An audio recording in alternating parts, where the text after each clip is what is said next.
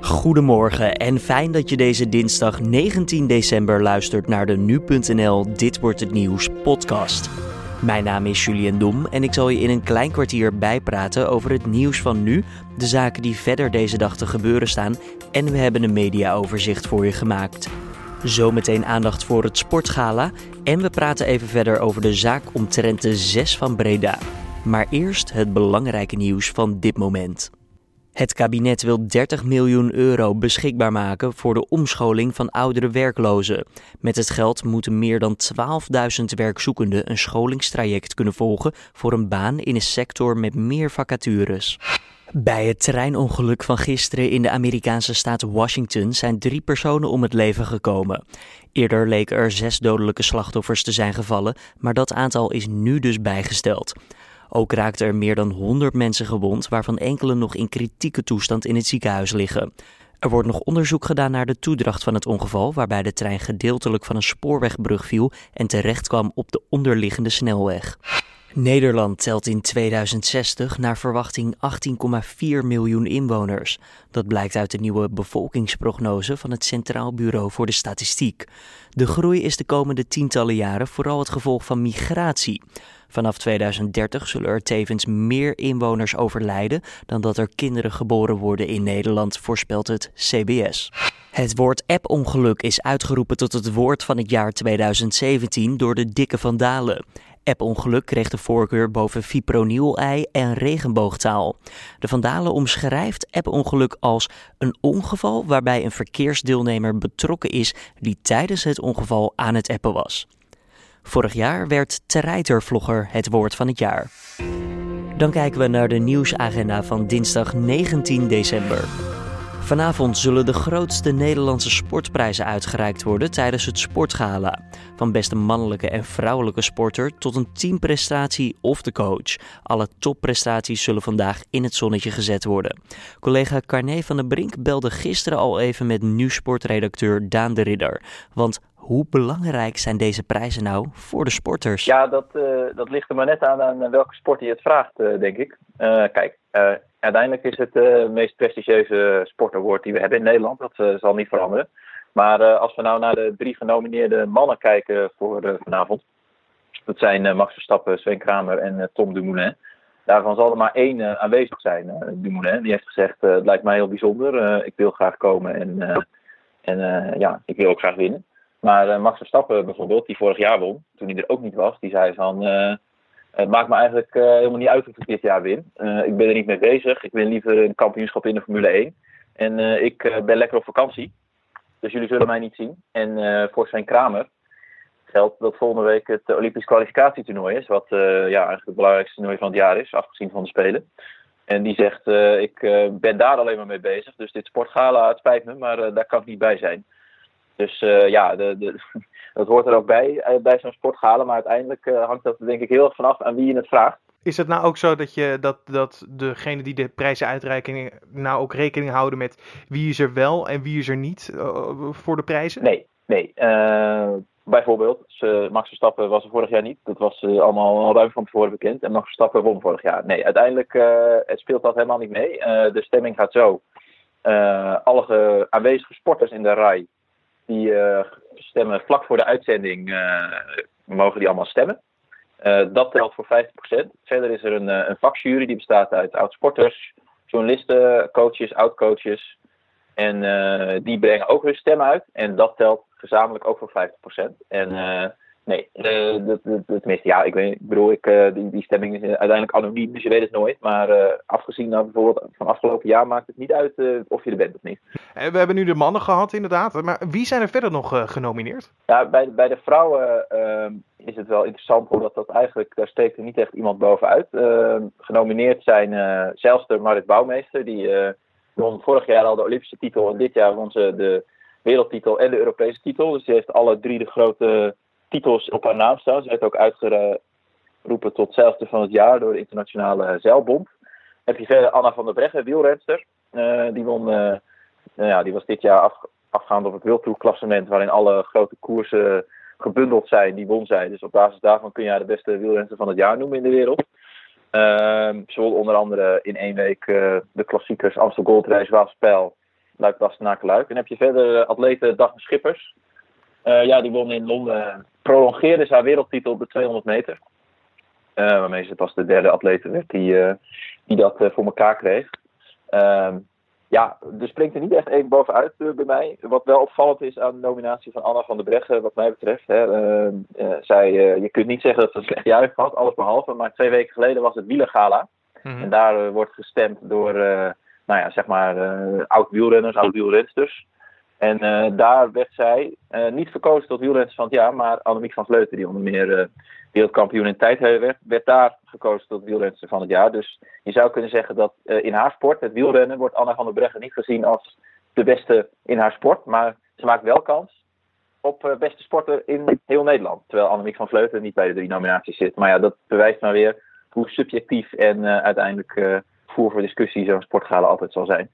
En als je kijkt even, we hebben nog een paar categorieën. Even snel doorheen. sportploeg.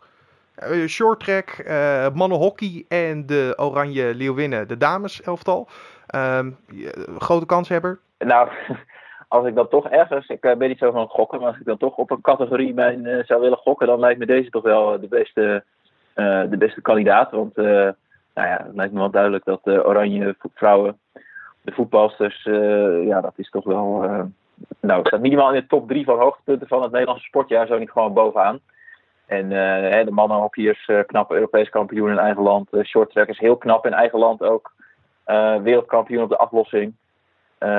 Ahoy ontplofte, maar ja, de Oranje Vrouwen hebben ons een maand lang nogal bezig gehouden. Dus dat lijkt me dat die met die prijs aan de gaan. En ja, ja, de sportcoaches heb je nog. Jack Ori, de succescoach van uh, onder andere Sven Kramer, die won ongeveer, uh, die won met zijn mannen won die bij het WK afstanden in februari was dat al, dat krijg ik met schaatsen, dat is al lang geleden. Maar die won toen met zijn mannen alle individuele titels. Jeroen Otter, de, schaats, de shorttrack bondscoach, nou ja, die won dus inderdaad met zijn aflossingsploeg die wereldtitel. En, maar ook hier zou ik zeggen, Sarina Wiegman, de bondscoach van de Oranje Vrouwen, de voetbalsters maar zal, uh, zal de grootste kans hebben zijn. Je hoorde nu sportredacteur Daan de Ridder. Het sportgala is vanavond om half negen te zien op NPO 1. Er zal vandaag een uitspraak gedaan worden over de zaak omtrent de zes van Breda. Drie mannen en drie vrouwen zijn in 2015 al voor de tweede keer door het gerechtshof in Den Haag veroordeeld voor een moord in 1993 op een Chinese restauranthoudster in Breda. We vroegen aan nu.nl-redacteur Joris Peters waarom deze zaak na 24 jaar nog altijd speelt. Nou, in 2012 is het eigenlijk begonnen. Toen is het duidelijk geworden dat de verklaringen van twee getuigen die op de avond van de roofmoord voor het restaurant hebben gezeten waar dit plaatsvond. Uh, eigenlijk hebben we verklaard dat zij niks verdachts hebben gezien. Uh, dat werd gezien als een nieuw feit en daarmee werd de zaak geopend. Toen is er opnieuw onderzoek gedaan. Nou, daar is uit gebleken dat er ten eerste een, een bloeddruppel is aangetroffen in de keuken van het restaurant waar de roofmoord heeft plaatsgevonden, die niet behoorde tot een van de verdachten. Uh, en uh, het later is ook gebleken dat twee vrouwen een verklaring weer hebben ingetrokken. Ze hebben eerst uh, een bekennende verklaring afgelegd in deze zaak. Um, maar de een vrouw zegt dit verhaal te hebben verteld zodat zij ervan af was. En de andere vrouw zegt onder druk te, te zijn gezet door, door de politie. En daarom te hebben gezegd dat ze schuldig was. zitten deze mensen eigenlijk nog vast of zijn ze al op vrije voeten? Ja, deze mensen zijn in de jaren negentig veroordeeld. En die zijn, uh, de vrouwen zijn al eerder vrijgekomen omdat zij alleen uh, veroordeeld zijn voor uh, betrokkenheid. en de mannen zijn vlak voor, het, voor 2000 vrijgekomen. Dus het gaat hier vooral om, om eerherstel en mogelijk ook met, met grote schadevergoedingen. En hoe gaat die dag er dan vandaag uitzien? wat gaat er precies gebeuren? Nou, de afgelopen juni heeft de procureur-generaal een advies gegeven dat deze zaak opnieuw moet. Hij zegt dat die verklaringen die de vrouwen intrekken, uh, dat er ook bewijs voor is dat die hun verhaal ondersteunt. Dat inderdaad niet zo is gebeurd. Uh, en hij vindt eigenlijk dat er meer onderzoek moet worden gedaan naar die, naar die bloeddruppel. Um, en dat is dus een advies. En dat wordt eigenlijk altijd wel overgenomen door de Hoge Raad. En die gaat vandaag beslissen inderdaad of de zaak opnieuw moet worden teruggewezen naar het gerechtshof. Je hoorde nu.nl-redacteur Joris Peters in gesprek met Carne van den Brink. De Nederlandse Vereniging van Journalisten gaat vandaag in gesprek met justitie naar aanleiding van de bedreigingen van journalisten van het Parool, Paul Vugts en van de Telegraaf, John van de Heuvel en Mick van Wely, vanwege hun werk als misdaadjournalist. Vugts van het Parool zit al geruime tijd ondergedoken na bedreigingen uit de Amsterdamse onderwereld. Van Wely en Van de Heuvel zijn bedreigd door motorbende No Surrender. In de achtste finales van de KNVB-beker worden de eerste drie duels vandaag gespeeld. PEC Zwolle staat thuis tegenover NEC, de koploper van de Jubilair League. En het Veenendaalse GVVV, dat vierde staat in de tweede divisie, gaat op bezoek bij SC Cambuur. De Friese bivakeren ondertussen onderin de Jubilair League. En in een Brabants onderrondje nemen Willem II en RKC Waalwijk het tegen elkaar op. De samenvattingen van de duels kan je na afloop bekijken op nu.nl. Dan het mediaoverzicht van deze dinsdag 19 december. De luchtmobiele brigade heeft vorige week op het laatste moment afgezien van een omstreden inwijdingsritueel. Daarover schrijft de Telegraaf. Het gaat om de zogeheten tijgertest. Daarbij moeten nieuwelingen een mok meenemen waarin een rauw ei en sterke drank worden gedaan. Vervolgens moet deze mix worden opgedronken, moeten er vragen worden beantwoord en opdrachten worden uitgevoerd. Na het bezoek van verschillende bewindslieden van Defensie werd de inwijding plots geschrapt. De Nederlandse regering moet rekening houden met een tegenvaller die kan oplopen tot ruim 400 miljoen euro. Dat geld zou nodig zijn om zaken op orde te krijgen in de nucleaire industrie. Dat staat in een overzicht van vier ministeries waarover de Volkskrant schrijft. Als grootste tegenvaller wordt de sloop van de gesloten kerncentrale van Dodewaard genoemd.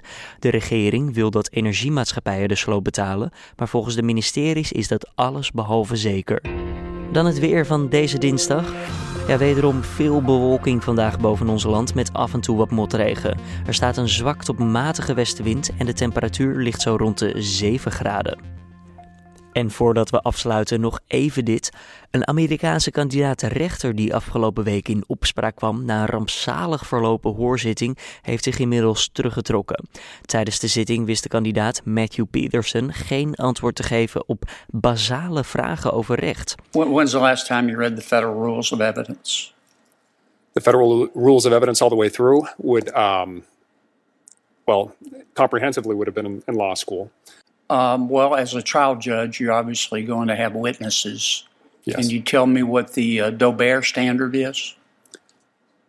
Uh, Senator Kennedy, I, I don't have that uh, readily at, uh, at my disposal. Just for the record, do you know what a motion in limine is? I would probably not be able to give you a good definition Okay. right here at the ta- at the uh, Okay. table.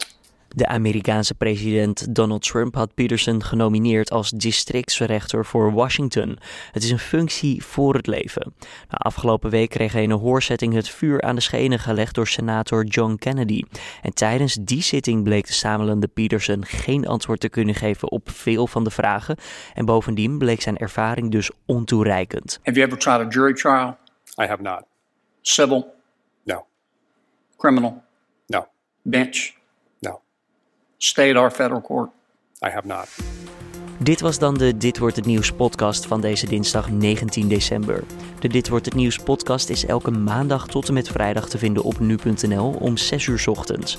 Laat ook een recensie achter op iTunes of op SoundCloud en we staan natuurlijk altijd open voor feedback. Stuur gewoon een mailtje richting redactie apenstaartje nu.nl. Voor nu, tot morgen.